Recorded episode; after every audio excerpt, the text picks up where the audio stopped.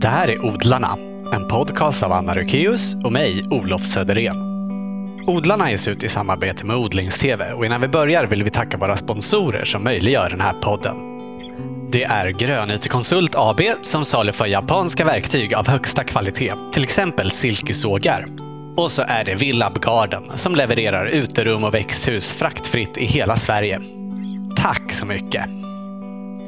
Trots att åtminstone jag ibland kan känna en del stress över trädgården så är vi nog många som märkt att det här med odling också kan ha en väldigt avkopplande effekt. Och det är även vetenskapligt belagt att det faktiskt är så.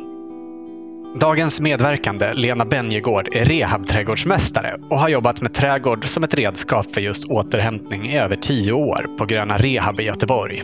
En verksamhet som hör till Botaniska trädgården där, men som de flesta kanske inte känner till eftersom den till skillnad från resten av trädgården inte står öppen för allmänheten. Intervjun är inspelad i uterummet på Gröna Rehab i Göteborg den 3 januari. Varsågoda, Lena Benjegård. Berätta om Gröna Rehab, vad är det? Vi är en verksamhet som eh, har funnits i drygt tio år nu och vi är en del av Västra Götalandsregionen och tillhör Botaniska trädgården. Eh, och vi jobbar då med stressrelaterad ohälsa. Så det är människor som är både heltids långtidssjukskrivna då för utmattningssyndrom. Men sen jobbar vi också förebyggande så att människor som är i riskzonen att få en utmattning men har en anställning i Västra Götalandsregionen kan få komma hit förebyggande också. Och det var vi först i Sverige med just den här förebyggande verksamheten. Och det är ju egentligen det bästa om man kan förhindra att människor blir sjukskrivna. Det ja, sparar både lidande och pengar och så. Hur hamnade du här? Ja, hur hamnade jag här? Jag jag jobbade faktiskt som säsongsanställd i Botaniska trädgården från, jag kom 99 som praktikant och så var jag till 2004 säsongsanställd. Så att jag visste när det började att planeras kring och pratas om det här att Botaniska skulle kanske ha en rehabverksamhet också. Så att eh, jag var och träffade min då nuvarande chef och prata med henne. För hon hade fått tips av min gamla chef i Botaniska. Men då var jag faktiskt sjukskriven själv för utmattning mm -hmm. när jag träffade henne. För att jag hade jobbat ett år i en eh, gymnasieskola som eh, vikarierande lärare och resursperson och allt möjligt och blivit på ett år utmattad. Då. Ah. Så att när eh, Eva-Lena, då, som min chef heter, när hon träffade mig så var det en ledsen människa hon mötte. Så att när jag skickade sen in min ansökan, när annonsen kom ut, då hade hon den bilden av den här trötta, ledsna mm. människan. Men eh, sen så blev det inte någon av dem de hade vaskat fram ur högen med ansökningar. Det var 136 ansökande till den här tjänsten. Aha. Och de hade då först sju som de intervjuade, men så blev det ingen av dem ändå. Och då började Eva-Lena att gräva igen och så, ja men ska vi, ska vi träffa Lena igen? Då var ju detta två år efter jag hade då träffat mm. henne första gången. Visste hon att du var dålig då? Eller uh, trodde hon, hon visst, att det var ditt normaltillstånd? Hon visste ju det när, när jag träffade henne då, två år tidigare, ja. att jag var dålig. Men hon, hon, vi kände inte varandra, så hon visste ju inte hur jag var i i vanliga, vanliga fall. fall. Men då när vi, hon igen vaskade fram mig och vi träffades så var det, det var min tjänst helt enkelt. Så, då hade jag blivit friskare kan man säga. För man blir ju, har man själv varit utmattad så blir man ju inte, man är ju inte samma människa igen. Så Nej. är det, jag har en lägre stresstålighet och sådär. Men det är också en eh, merit i det här jobbet att jag vet ju hur det är och har varit där eh, själv. Men så att det kändes som att vinna på Lotto när jag fick den här tjänsten. Ja. Jag använder mig av både trädgård och natur när jag själv behöver hämta hem mig eller om jag är ledsen. Eller... Så det kanske är lite omedvetet att jag har halkat in på det här att bli då för min titel är inte bara trädgårdsmästare utan jag är ju rehab-trädgårdsmästare står det i mina anställningspapper. Har du alltid odlat? Eh, nej, jag har faktiskt funderat lite på det. Alltså, jag visste inte ens när jag var liten så kunde inte jag skilja på olika träd eller blommor eller maskros och sånt visste man ju. Mm. Jag växte upp eh, tre mil utanför Göteborg i ett radhusområde, en så här liten förstad. Eh, mina föräldrar jobbade inne i Göteborg och är då bankmänniskor båda två. Och jag har ett sånt minne, vi hade sommarstuga så att vi har varit liksom ändå i natur och trädgård och vi hade ju mycket natur runt där vi bodde. Men jag har ett sånt där minne som min pappa han förnekade lite nu men det var i sommarstugan så, så hade vi bestämt att den här lördagen så skulle, jag har en bror också, en lillebror, vi skulle då ha trädgårdsdag och räfsa kottar ur gräsmattan och så. Och då, så träffas vi utanför huset eller samlas och så säger min pappa så här, det här kommer att bli ett helvete, men det måste göras. Vilken härlig bild av trädgårdsarbete. En, en sån bild har jag liksom växt upp med kring trädgård. Så, så det kanske är en ungdomsrevolt att, ja. att bli hantverkare. men det kom ju lite långsamt. Men så att jag är absolut inte... Mamma tyckte väl det var lite sådär småroligt med rabatter och så, men det är alltså inget... Eh, däremot har vi varit väldigt mycket ute i naturen. Plockat bär och alltid i, i naturen och så. Men så, så det är ett intresse som långsamt växte fram. Jag hade en kompis när jag var i sena tonåren och så upp i 20-årsåldern. Hon var jätteduktig på blommor så vi var ute och hon lärde mig blommor. Och sen började jag lära mig träd och började liksom känna att det där med natur och trädgård, det är lite, ändå lite fascinerande. Och så hade jag en pojkvän när jag var runt ja, också kanske 20-25.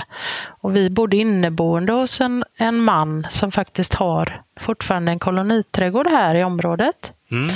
Och då Just det, för det ligger ett koloniområde ja, precis intill. Precis.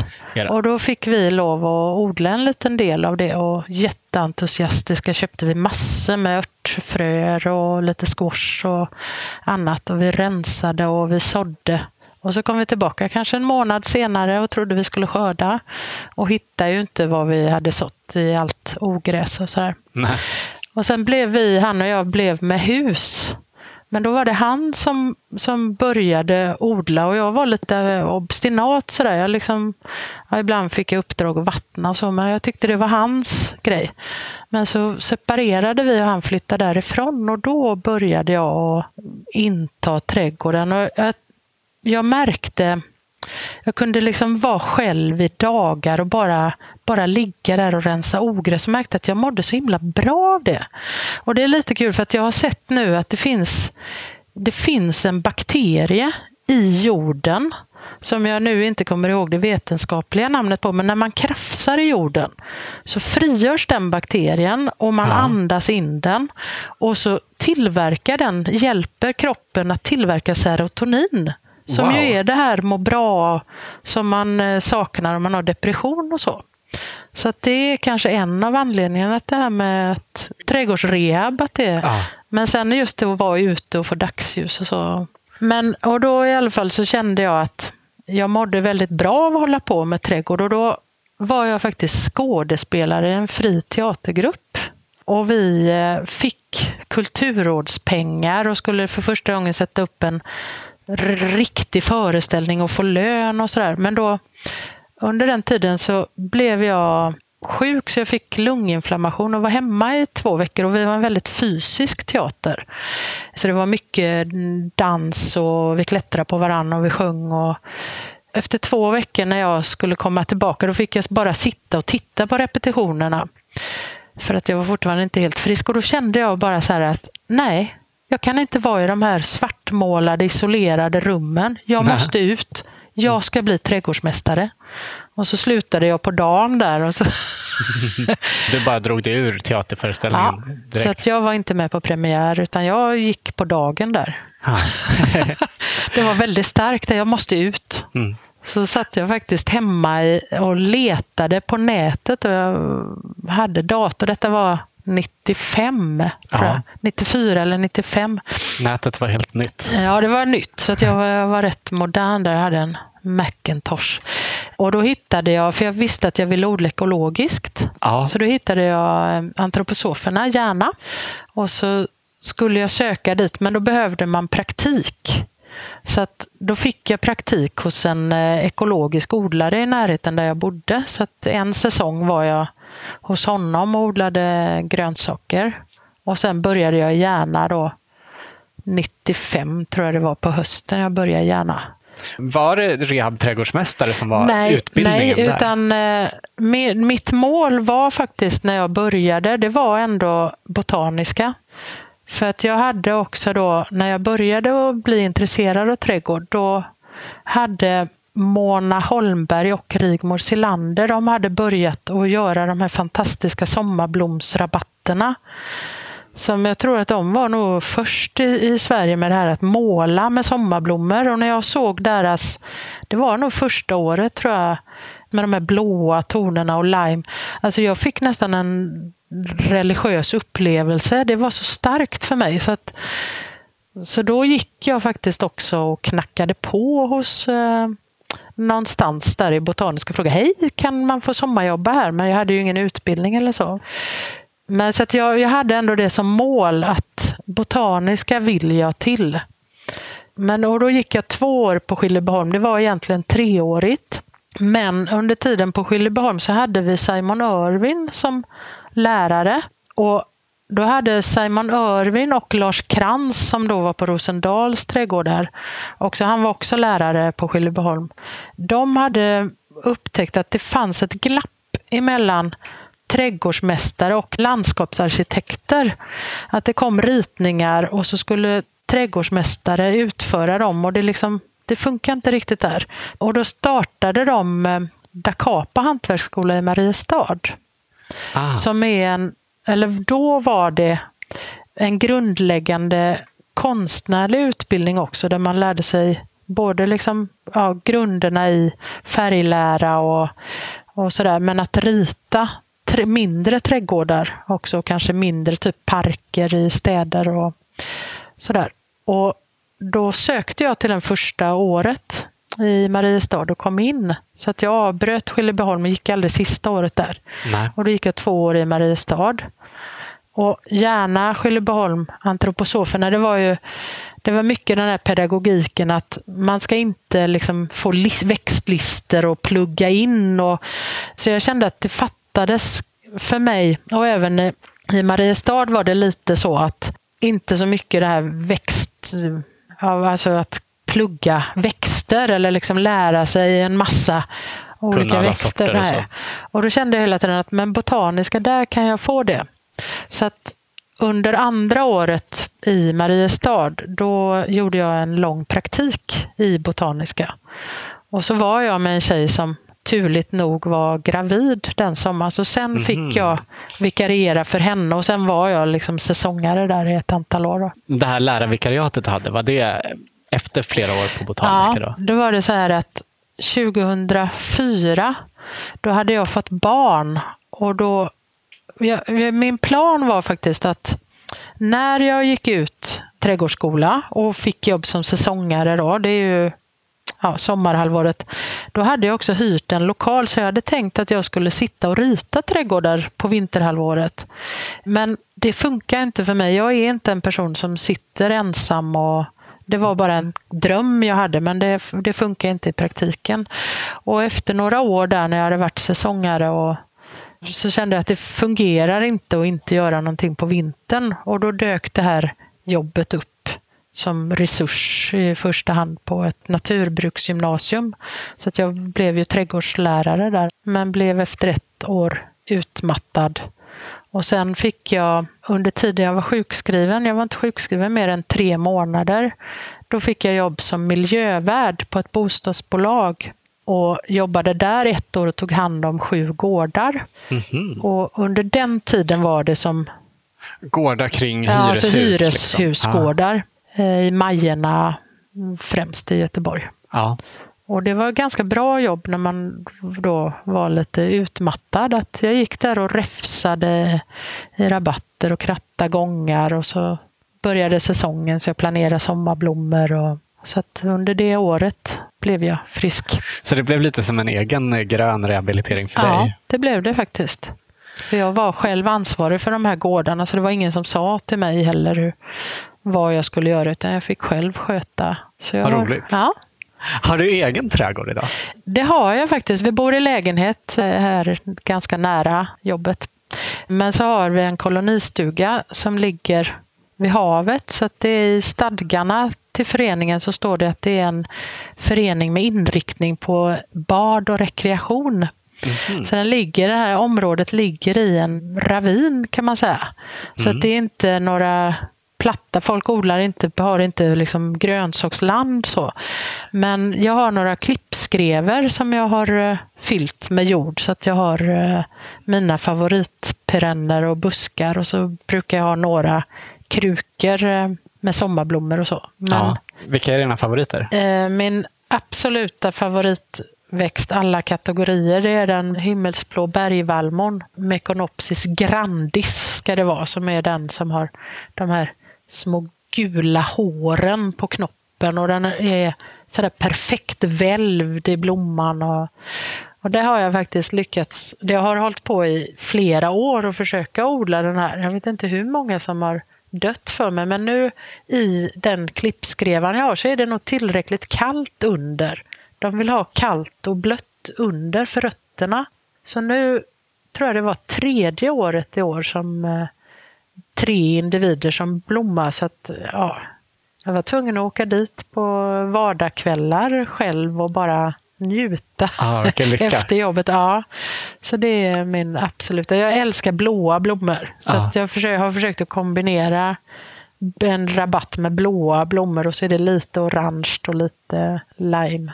Men den blomman, den första gången jag såg den i Botaniska så då föll jag nästan ner på knä. Ah.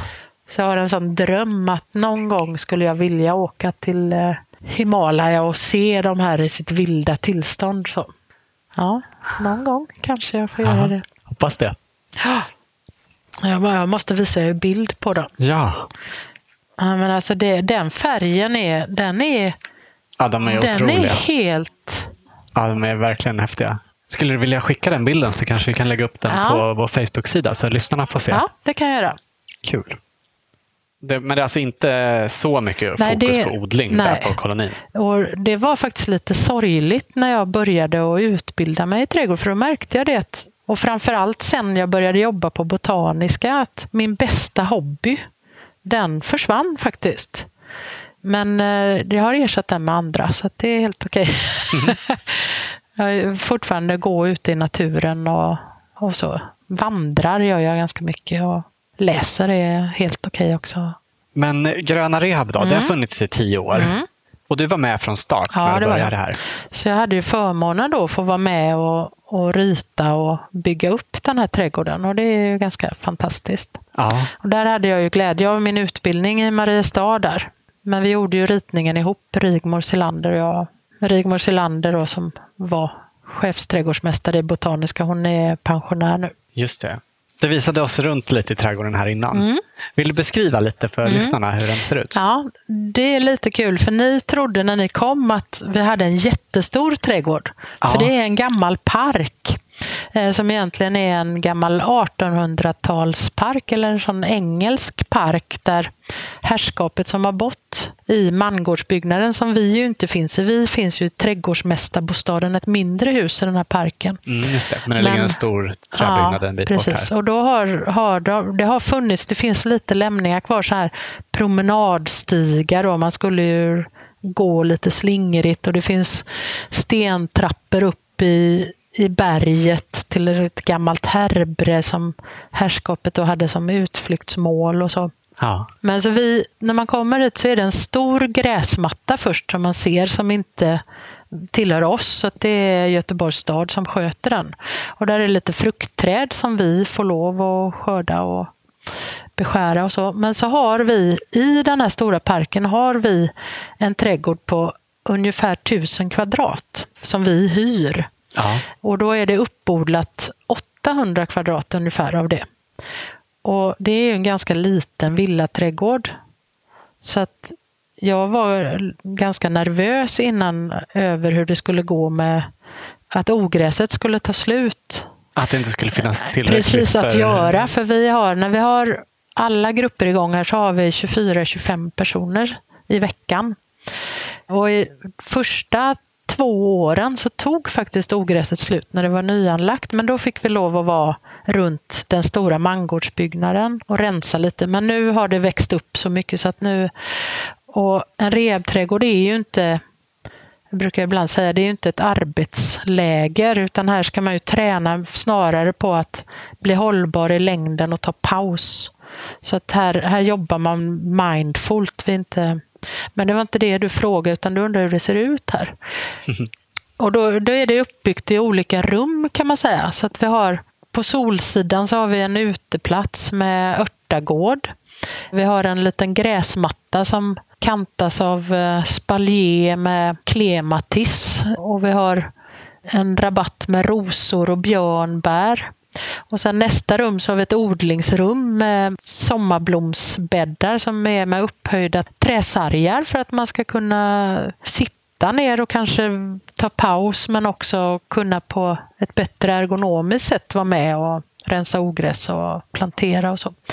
Och så har vi en terrass lägre ner där vi har växthuset men också med en gräsplätt på den terrassen och där använder sjukgymnasterna flitigt när det vädret tillåter att där läggs det ut liggunderlag och fårfällar för avspänning och så.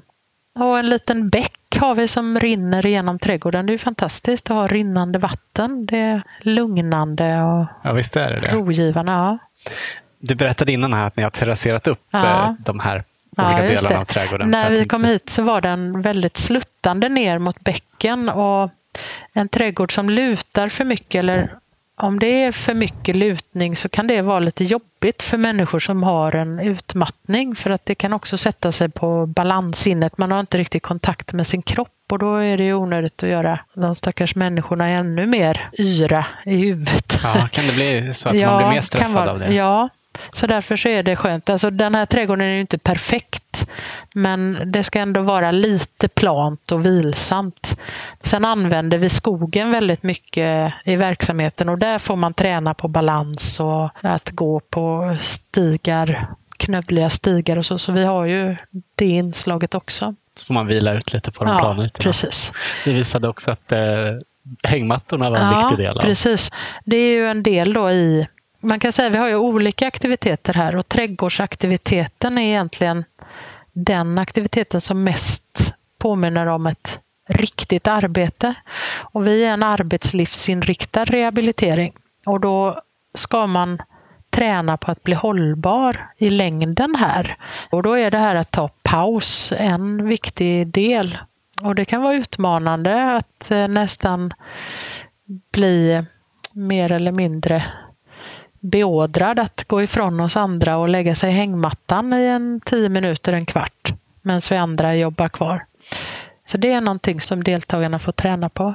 Och sen märker vi, alltså vi ser ju så tydligt, våra deltagare är de som är sjukskrivna, då, långtidssjukskrivna, är upp till ett halvår här. 28 veckor blir det totalt. Ja. Och där ser vi en så stor skillnad att i, i slutet på vistelsen här då kan det nästan vara sådär att men nu får du nog gå ur hängmattan så att någon annan kan få... Ska du inte vara med och hjälpa till något i trädgården idag? det är lite fint att se, se det här ute. Nej, jag behöver faktiskt jag behöver vila idag. Okej, okay, bra. Vilka är det som kommer hit? Eh, det är, man måste ha en anställning i Västra Götalandsregionen. Och det, är ungefär, eh, det är en stor arbetsgivare, så ungefär 50 000 anställda är det totalt i regionen. Men det är mycket vårdpersonal.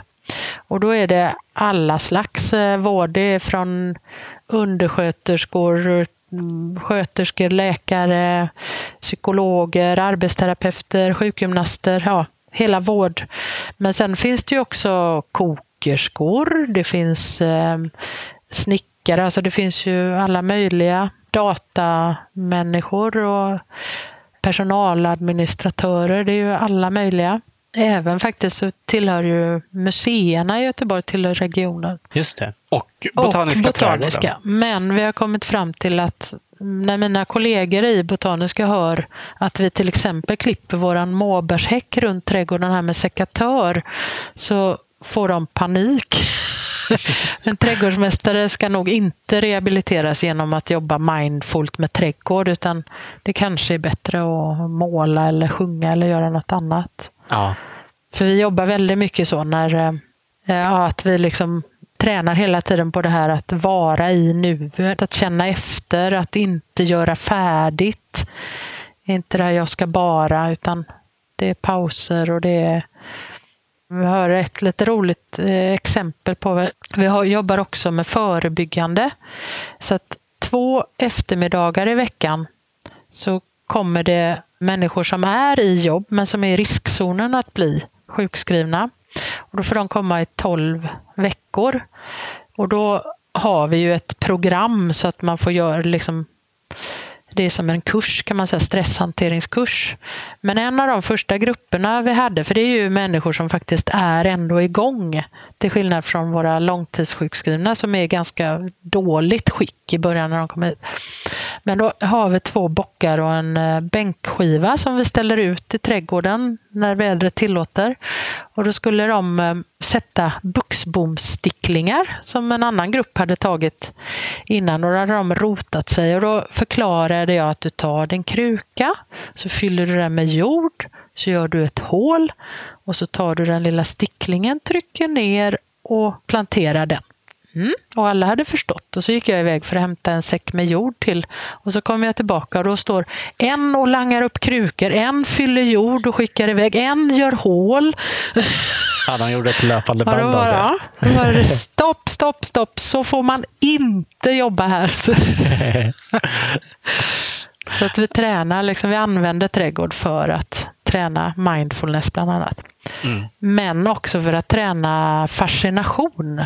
För det är, alltså många av våra deltagare har den här bandspelaren som går i huvudet över misslyckandena som har hänt och sorgen över att det blev som det blev och oron för framtiden och hur ska det gå. Och om man då blir fascinerad av någonting så är hjärnan så fiffigt uppbyggd så att då kan inte den här bandspelaren hålla på samtidigt. Så att vi jobbar rätt mycket med det att till exempel när vi ska så, då tittar vi på frön i lupp innan och verkligen tittar vilka fina mönster och färger och vad är ett frö egentligen? Och vi kan titta på blad, på eh, pelargoner, hur olika de är. Och vi går in i fascinationer i samband med naturpromenaderna som biologen håller. Där jobbar vi också mycket med lupp. Och, och då glömmer man för en stund det här. Och man öppnar också upp ögonen för lusten igen och för att nyfikenhet. Och, så det är en viktig del i där, så det är inte bara att man jobbar i trädgården utan det är att få upp ögonen för någonting som man kanske inte har sett innan. Mm. Nu har du berättat att det finns lite olika grupper som mm. kommer hit. Mm. Går det att säga något generellt om hur en dag ser ut för den mm. som kommer? För de som kommer på förmiddagarna, det är våra långtidssjukskrivna. De kommer måndag till torsdag. Och då kommer man klockan nio på morgonen, eller det är ambitionen. Och då börjar vi med att i det här uterummet som vi sitter i nu, ett inglasat uterum på mm. ungefär 30 kvadrat tror jag Jättefint rum med järnkamin. Ja, precis. Och nu har jag beskurit vinrankerna här, men på sensommaren så hänger det alltså druvklasar över oss som vi kan skörda och mm.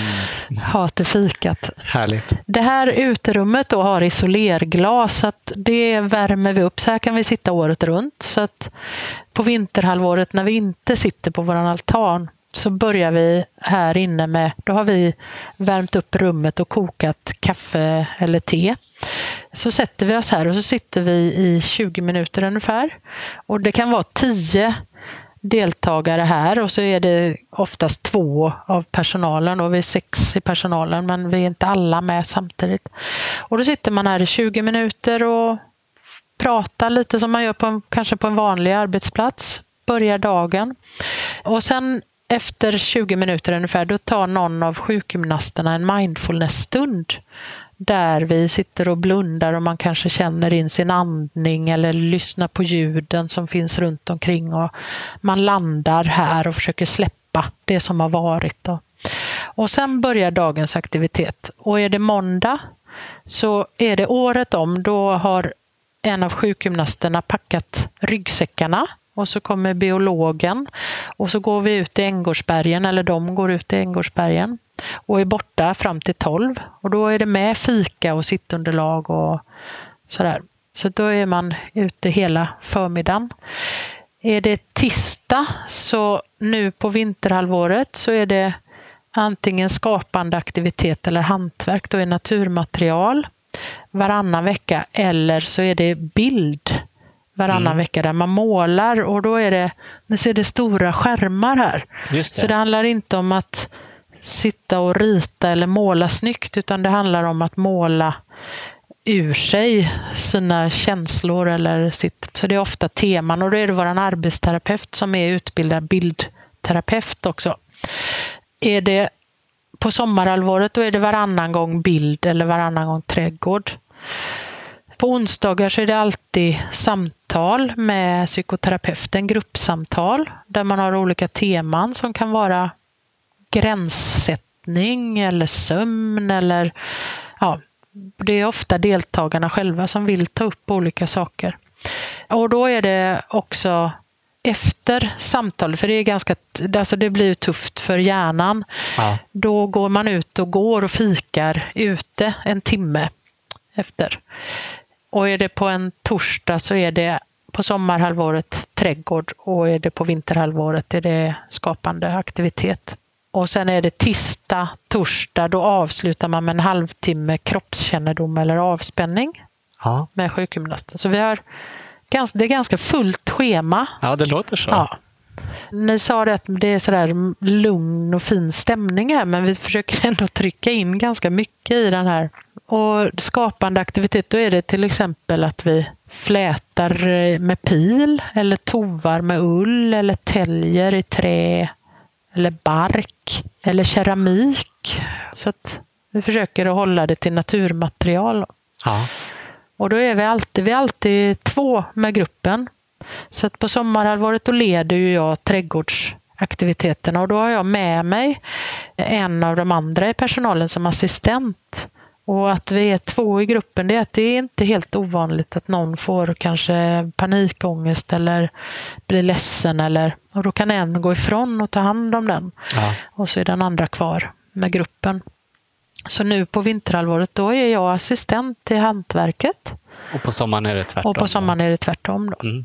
Du har varit inne lite på vilka olika yrkesroller mm. ni har som jobbar här. Ja, just det. Vill du mm. berätta om dem? Mm. Vi brukar vi säga att vi är gröna och vita. Så att vi är två gröna och det är då min chef som är biolog och naturguide också. Och så är det jag som är trädgårdsmästare.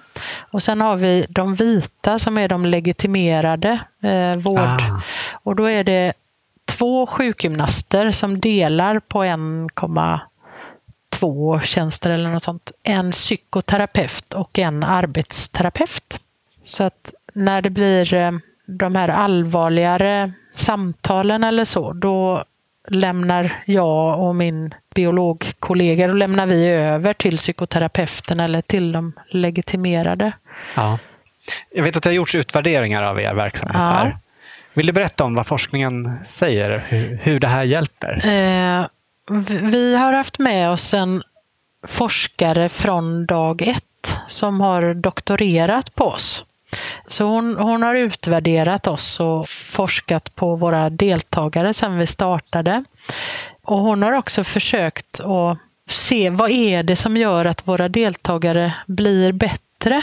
Mm. Eh, så hon har gjort studier för att försöka lite, kan man skilja ut någonting? Men det hon har sett är att 90 procent, eller faktiskt mer än 90 procent av våra deltagare går tillbaka till någon form av aktivitet.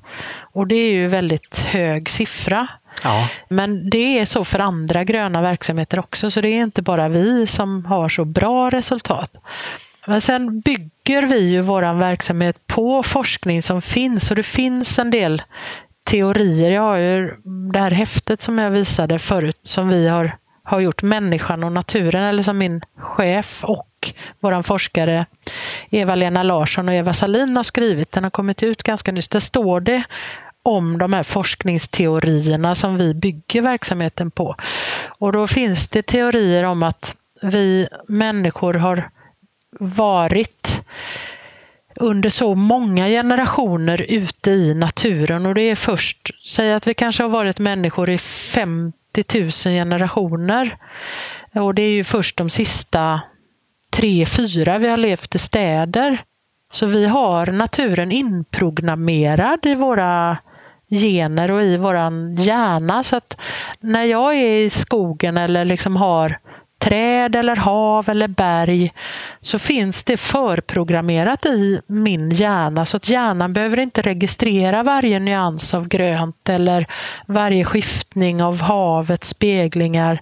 Och då kan hjärnan gå ner i vila, blodtrycket kan sjunka stressreduktion kan ske. Men kommer det en fågel flygande eller så, så registrerar jag ju den såklart. Men är man inne i en stad eller ja, i ett räcker i det här rummet vi sitter så registrerar min hjärna lamporna, den registrerar ljud av någon fläkt eller ja. och då kan inte hjärnan vila. Så att vi bygger mycket på just den forskningen och de teorierna. Ja, det är sant, när man tänker på det så känns det som detaljer på ett helt annat sätt ja. när man är i en skapad ja. miljö ja, än i naturen. Precis. Och för att inte tala om ja, om man nu kör bil i stark trafik. Tänk vad gärna jobba då hela tiden. Och, eller sitta i kontorslandskap. Eller, så därför så alla människor mår nog bra av att självmedicinera och gå ut i natur. Eller. Ja. Så det är en stark. Och sen är det det här som jag berättade om fascination också. Just det att man pratar om riktad eller, jag är inte jättebra på det här med teori, men just att om du blir fascinerad av någonting, då kan hjärnan jobba med att du liksom tittar och, och fascinerar utan att du blir hjärntrött. Men om du måste koncentrera dig på någonting för att du måste det, då blir hjärnan trött. Så just det här att vi jobbar så mycket med fascination, där kan också hjärnan gå in i vila och ett läkande kan ske. Det är liksom när man kommer in i ett flow och ja, bara jobbar precis, på utan att riktigt precis. tänka. Mm. Jag tror de flesta kan känna igen att det är en ja, skön känsla. Precis. Just det, och så nämnde du de här små bakterierna i jorden ja. som kanske kan ha ja, en påverkan. Precis. Ja, och, och dessutom så tror jag, och det här är ingenting som jag har vetenskapligt belägg för. Men vi har ju det här oxytocinet också som när vi tar på varann, kramas eller vi klappar ett djur eller så, eller när man ammar ett barn, eller då skapas ju oxytocin hos båda två. Eh, och det är ju det här lugn och ro och må bra-hormonet. Och vissa av oss, och jag är helt uppenbart en sån, får också oxytocin av att ta i jord. Och det är ju skönast om det är solvarm jord såklart. Mm. Så att det här att skapa med, pilla med växter och jag tror att det är, det är nog inte lika uttalat för alla men för vissa av oss så tror jag att det, även där går oxytocinet igång. Ja. Hur länge har det här med terapiträdgårdar generellt funnits? I Sverige så startade Alnarps rehabträdgård 2002 och de är den första vad man säger, stora beforskade trädgården. Men det är ingenting nytt som vi har hittat på här. Egentligen så det fanns ju alltid runt eh, mentalsjukhusen och sjukhusen fanns ju trädgårdar och parker.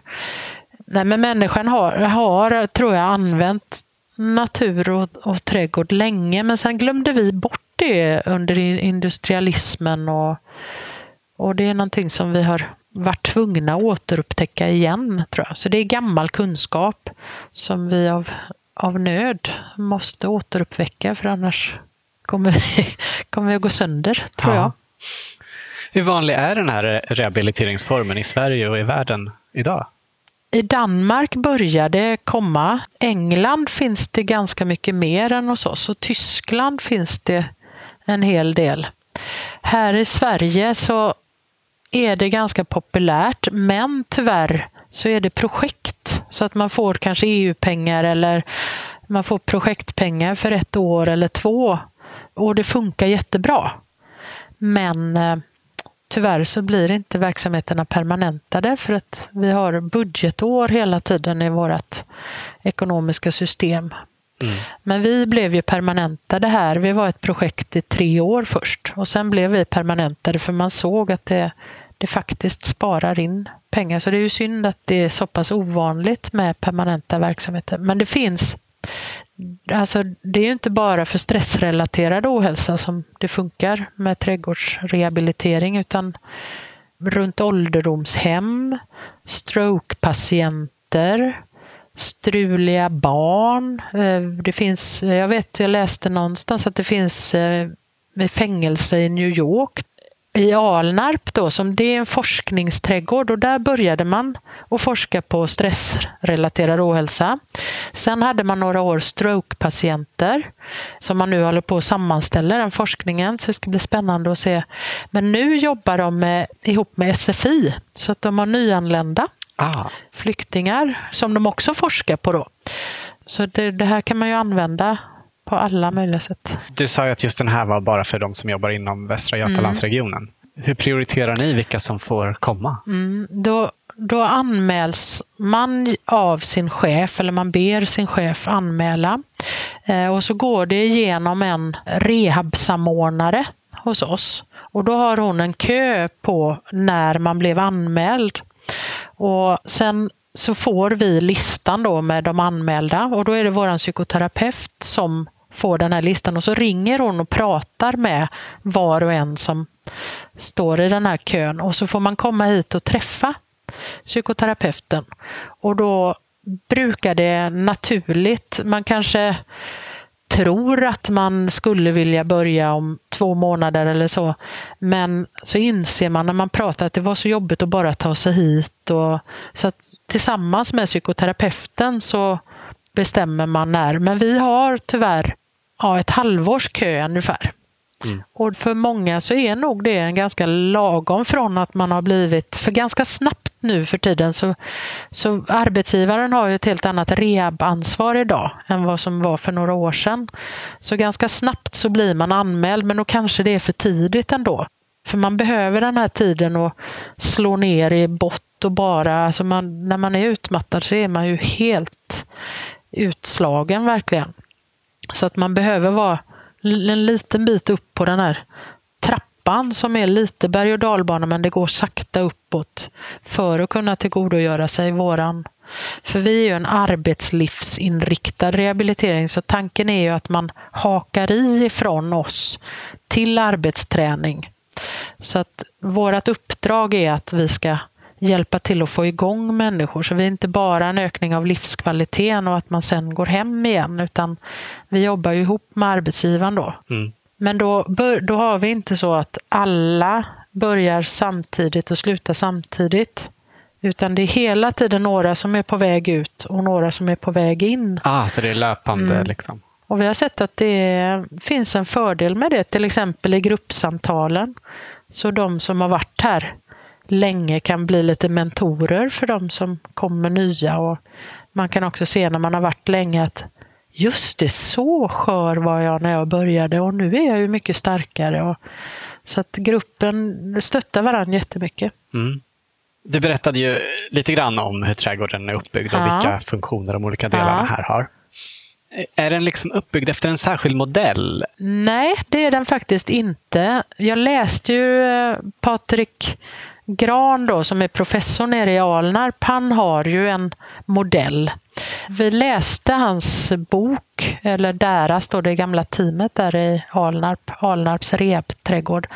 Men den här trädgården är inte uppbyggd efter den modellen. Men när vi tittar på modellen så ser vi att vi har ändå alla delar fast inte inne i trädgården utan vi har ju naturen utanför. Vi har den stora öppna gräsmattan som inte ingår i våran trädgård. Den är också utanför. Och, så att alla delar finns med.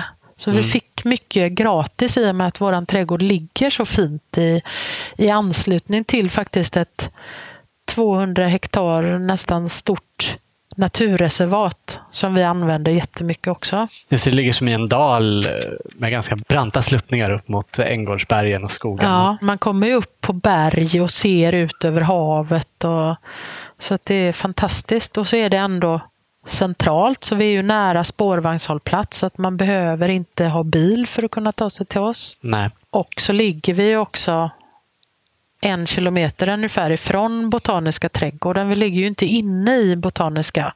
Nej. För det insåg de ganska snart på planeringsstadiet att Botaniska har ungefär en halv miljon besökare om året. Och har du en räfsa i handen eller jobbar inne i Botaniska så kommer folk och ställer frågor hela tiden. Så där hade ju inte vi kunnat vara i fred med vår verksamhet. Så därför är det skönt att vi ligger utanför Botaniska och vi har inga skyltar till oss heller. För spontanbesök vill vi inte, vill inte ta emot. Men däremot Nej. så går vi en hel del till Botaniska också och tittar i trädgården och men det ligger lite hemligt till. Ja. Det känns inte självklart att man kommer hit om man inte ska just hit eller till koloniområdet då, en till där du också berättade att du hade din första odlingslott. Ja, och kolonisterna de vet att när vi har verksamhet då kommer inte de in och stör oss. Men däremot så sker det ofta ändå spontana samtal över häcken där våra deltagare letar sig ut och blir nyfikna på hur är det någon kö till kolonilotterna här? Och, och här är det lång kö tyvärr, men det finns andra koloniområden i Göteborg där man faktiskt kan få en lott ganska snabbt. Så det har hänt flertal gånger att deltagare här har skaffat sig en lott. Ja, är det många som liksom fortsätter med trädgård ja. som inte har varit intresserade innan? Ja, eller så får man en annan relation till sin trädgård. För trädgården har kanske varit en plåga, någonting som måste skötas och så. Man kanske här har fått en annan inställning att en trädgård ska man faktiskt också njuta av och lite ogräs kan man eh, leva med. Mm. Du visade oss innan en ja. i näst... Örtagården som ja. nu, nu behöver den, vi ska försöka att lägga om den nästa säsong men där är det, har eh, rot, verkligen rotogräs har tagit över. Mm. Men den har, funnit, den har varit så i två år och den är också ett bra pedagogiskt exempel på att det är ganska fint och fjärilarna kommer ändå och hittar örterna in emellan och, så att man kan leva, leva med lite ogräs. Mm. Det är ju egentligen, ogräs är ju egentligen vackra växter som står på en plats där man inte hade tänkt sig. Så är det Vill du berätta någonting mer om vad ni odlar här? Ja, nu hade jag faktiskt, jag blev lite besviken när jag, jag gick vägen om våran post kommer ner till Botaniska trädgården. Så jag gick vägen om i förmiddags här och hoppades att det skulle ligga frökataloger i mitt postfack. Ah, Men det gjorde det inte. De så inte det kom, nej, de kommer nog nästa vecka tror jag. Mm. Men så nu kommer jag här under januari och beställa fröer och då är det sommarblommor i hela regnbågsspektrats färger. Det är en del grönsaker och vi har ju ett 20 kvadrat stort växthus där vi driver upp sommarblommorna men sen kommer det också vara tomater och gurkor och basilika. Och vi har lite grönkål och lite örter och sådär som vi driver upp också. Och det här att göra urvalet det är alldeles för jobbigt för våra deltagare. Vi försökte det första året, att de skulle vara med, och, men det blir för mycket beslut och för jobbigt, så det gör jag. Och så brukar vi börja och så i ja, vecka sju, åtta någonting. Eh, och sen så är det kanske varannan vecka att vi sår och så kommer det igång mer och mer under mars, april. Och sen är deltagarna då med och skolar, så det håller vi på med väldigt mycket under vårsäsongen då. Pysslar med våra sommarblommor och grönsaker. Då. Och så flyttar det ut i växthuset och sen har vi de här två odlingsbäddarna då som vi tillsammans med deltagarna river ut det gamla, gräver ner kompost och gödsel. Och så är deltagarna med till viss del och planterar där. Men det här när man planterar så tätt, det är ganska jobbigt och svårt också om man har lite ont i ryggen och så. så att det krångligaste inne i bäddarna, det har jag faktiskt hjälp av en säsongare från Botaniska för att plantera. Men däremot så får var och en av våra deltagare har, som går på våren, får en kruka som är 40 centimeter i diameter. Som man med det urvalet av fröer då, som jag gör får eh, planera sin kruka efter de färgerna man är sugen på. Och så, och så planteras den som en liten sommaravslutning och så får man ta med den krukan hem. Ah. Och det är lite roligt, det, det la jag märke till redan första året att även om då deltagarna har varit med här och jobbat i trädgården så vet man så väl att det här är en plats som man ska lämna. Så man fäster sig inte så mycket vid den här platsen. Men däremot den här krukan som följde med hem, den blir en symbol för oss. Så jag får nästan alltid se bilder på den eh, efter sommaruppehållet och kanske mm. får mejl till och med hur det ser ut och fröer kanske sparas och sås till nästa år. Och, så, så, en del av Gröna Reb följer med hem. Och då kan man ju tycka så här, men vad taskigt för dem som går på hösten då. Men då kom vi på att då får varje deltagare får fläta en korg. Ni har ett exempel på andra hyllan underifrån här. Just det. Och så driver vi jullökar. Eh, amaryllis och hyacinter och tulpaner och tassetter. Och så får man plantera sin julkorg och ta med hem. Så att då får även de som går på höstterminen få med sig någonting härifrån. Så de kommer jag få se bilder på nu efter jul här. Mm. Kul. ja odling och trädgård kan, i alla fall för mig, även vara förknippat med en del stress. Ja, även kan... för mig. Ja, men upplever aldrig era deltagare det? De gör nog det hemma, men här är det jag som bär stressen när deltagarna har gått hem. Så att de är inte liksom med i det här racet som ju faktiskt är i maj, juni, början på juli. Så att det, det besparar vi våra deltagare. Så det är jag som har plustimmar på min flex. så att till exempel så det här med vattning, det låter man ju inte vem som helst göra. I botaniska så får du jobba ganska länge innan du får vattna i växthusen eller sådär. Och här delade vi på vattningen i växthuset då på, på sommaren. Men då märkte jag det att när mina kollegor som inte är utbildade hade vattnat, då vattnar de ju alltid för mycket för man är ju så rädd att det ska torka. Så att det var lite så här förruttnings... Mm. så då, då, tog jag över vattningen själv. Så jag var här varje helg från, ja, under kanske maj, juni och vattnade. Och då märkte ju min chef att det här är inte bra. Så att vi hade ett litet krismöte för två eller tre år sedan där hon sa så att men det finns ju bevattningsdukar. Och det, det, måste ju du kunna lösa i växthuset, så att det får du göra. Du får mm. lösa det. Och då har jag gjort det, så att jag har byggt upp någon slags ränner av de här hyllorna med bevattningsduk och baljer på varje sida av hyllorna. Så att på helgerna så suger växterna själva då med hjälp av duken vatten. Så sista två åren har jag inte jobbat på helger. Nej. Och det har eh, förbättrat min livskvalitet kan man säga. Så att, eh, Vilken bra chef som reagerade. Jo, men det, ju, det, hade inte varit bra för henne om hennes anställda i en rehabverksamhet hade blivit utmattad. Nej. Men sen vi har, vi har också en sån flex här och jag till en viss gräns så tycker jag det är ganska Alltså dagarna är längre på sommarhalvåret och jag tycker det är Trädgård är inte min hobby, men jag tycker det är ett fantastiskt roligt jobb, så jag jobbar gärna lite längre dagar eh, under då maj, juni kanske. Och sen kan jag ta, nu har jag två veckor ledigt här mm. på jul. Och, så det tycker jag är rätt skönt att kunna göra så också, men ja. till en viss gräns då.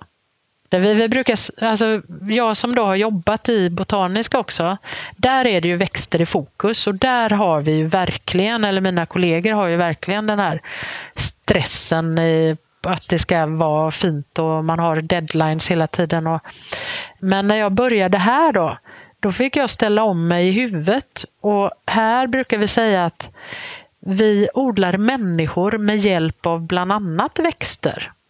Så att eh, här är det inte växterna som är i fokus. Så för våra deltagare så ja, de upplever inte det som trädgårdsmästare eller även hobbyodlare upplever det på våren, försommaren. Vet du om det är många som jobbar inom trädgård som blir sjuka av stress? Ja. Det är det? Ja, så är det. Och det känns som att i vårt samhälle så ska man... Vi får inte ha de här säsongerna längre där, där det är lite lugnare på vintern som det ju egentligen är för en trädgårdsmästare. Utan nu trycks det in väldigt mycket administrativt som ska göras och vi ska helst ha samma tempo varje dag hela tiden och det kanske är en av orsakerna att så många blir sjuka. Alltså vi behöver ju det här att ha perioder där det är lite lugnare. Och jag har turen då i mitt jobb att jag är ju assistent nu då på vintern. Så jag brukar skoja lite och säga jag är inte den riktiga fröken när deltagarna frågar om någon klurig korgflätningsteknik eller så. Nej. Utan då, då behöver inte jag, för jag, på sommarhalvåret då är jag mer kanske som en trädgårdslärare kan man säga. Då för, jag förbereder ju och leder de här aktiviteterna. Men då har jag det lite lugnare nu på vinterhalvåret och så tar arbetsterapeuten vid och har det lite tuffare. Så här, här får jag faktiskt lov att, att ha den här vintervilan ja. lite mer. Men absolut kan trädgårdsmästare bli utmattade. Mm. Om man eh, vill försöka förebygga stress på egen hand med hjälp av odling eller trädgårdsarbete, mm. finns det något man ska tänka på då? Ja, det är ju det här. Alltså, jag vet ju själv hur det var när trädgård var min hobby. Man ska ju spara varenda liten stickling. Så det försöker jag lära våra deltagare att ge bort det och det som inte någon vill ha, det överblivna, släng det på komposten då. Det blir ju jättebra näring till resten av växterna. För det är ju annars en klassiker att man har hela sitt hus fullt. Varenda fönster och varenda bord och varenda... Ja, känner ni igen detta? så känner jag igen jag, mig det ja, jag tycker att jag ser lite... Så det är det här att det, det är faktiskt det är bara växter. Så man behöver inte spara alla. Nej. Och kanske hellre så lite mindre då också. Så inte hela påsen. Utan, eh, och det tror jag är skillnaden kanske på en professionell odlare och en amatör som ju älskar liksom, att vi är lite mer luttrade på det.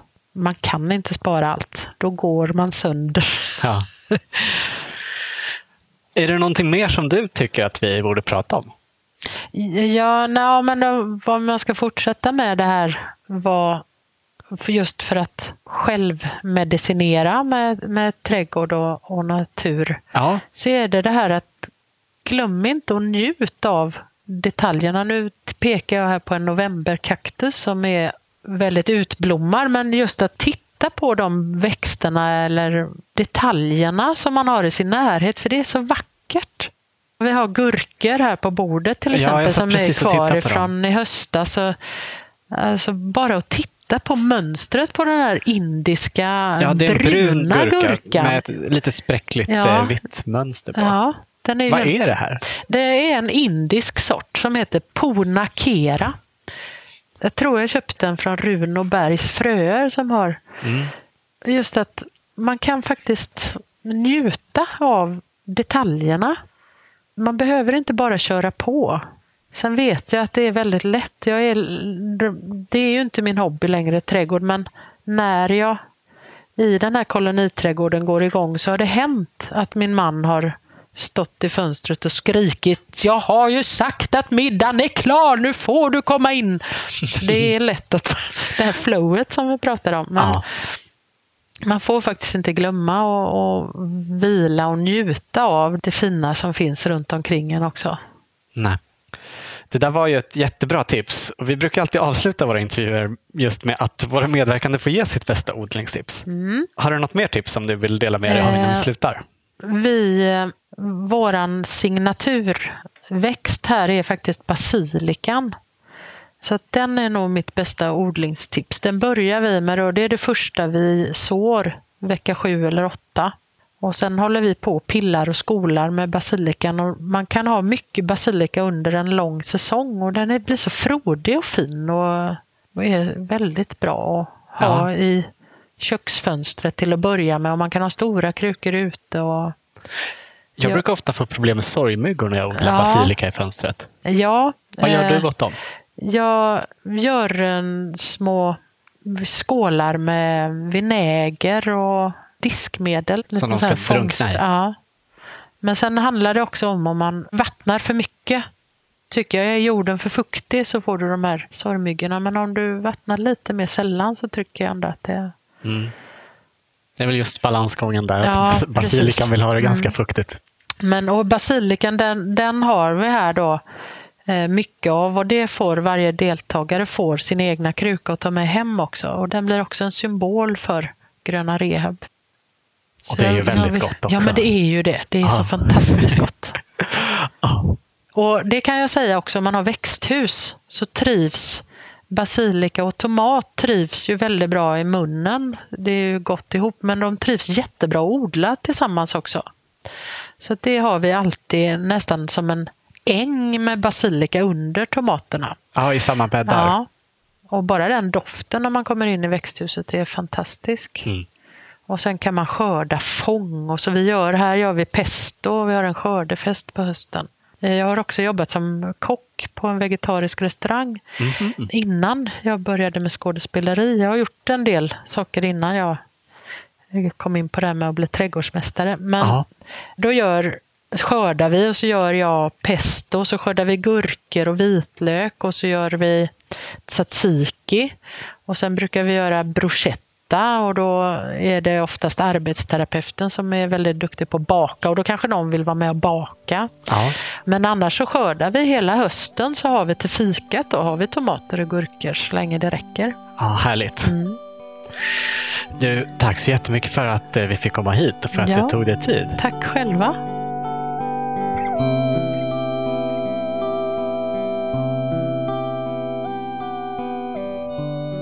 Du har hört Lena Benjegård i Odlarna. Vill du veta mer om verksamheten på Gröna Rehab så finns det en bok som heter just Gröna Rehab. Den och en massa andra intressanta skrifter om naturens och trädgårdens välgörande effekter går att beställa från deras hemsida vgregion.se snedstreck Grona Rehab. De tar också emot studiebesök på Gröna Rehab varje fredag. Information om hur du bokar in det finns också på hemsidan. Till just Gröna Rehab är det som sagt bara anställda inom Västra Götalandsregionen som får komma för rehabilitering. Men på hemsidan finns också en förteckning över liknande verksamheter över hela landet som de försöker hålla uppdaterad. I Odlarna avsnitt 23 med trädgårdsdesignern Ulla Friberg kan du höra mer om trädgårdar som är utformade för att ha en terapeutisk inverkan. Bland annat har hon skapat en fantastisk trädgård på ett äldreboende. Stort tack för att du lyssnat och tack än en gång till våra sponsorer Villab Garden och Grönyte Konsult som möjliggör den här podden. Redaktör för Odlarna är Anna Rökeus. Jag heter Olof Söderén. Vi hörs snart igen. Ta hand om er så länge. Hej då!